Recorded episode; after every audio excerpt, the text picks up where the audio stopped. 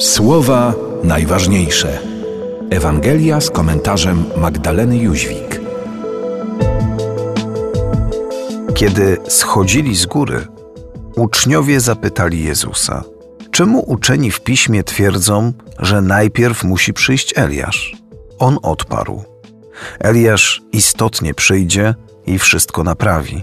Lecz powiadam wam, Eliasz już przyszedł a nie poznali go i postąpili z nim tak, jak chcieli. Taki syn człowieczy ma od nich cierpieć. Wtedy uczniowie zrozumieli, że mówił im o Janie Chrzcicielu.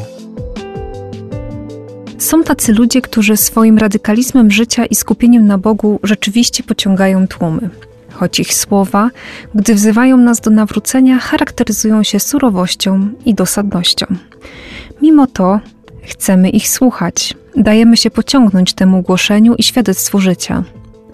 Zarówno znaki dokonane przez Eliasza, jak i pustynne życie Jana Chrzciciela nie mogły pozostać bez echa im współczesnym, aż do postawienia siebie w sytuacji niebezpieczeństwa śmierci, co u Jana skończyło się męczeństwem.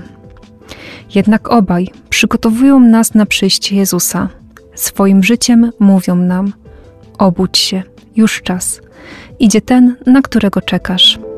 Słowa najważniejsze. Słuchaj w Radiu M codziennie o 5.50, 6.50, 12.10 i 23.10. Oglądaj na stronie radiom.pl.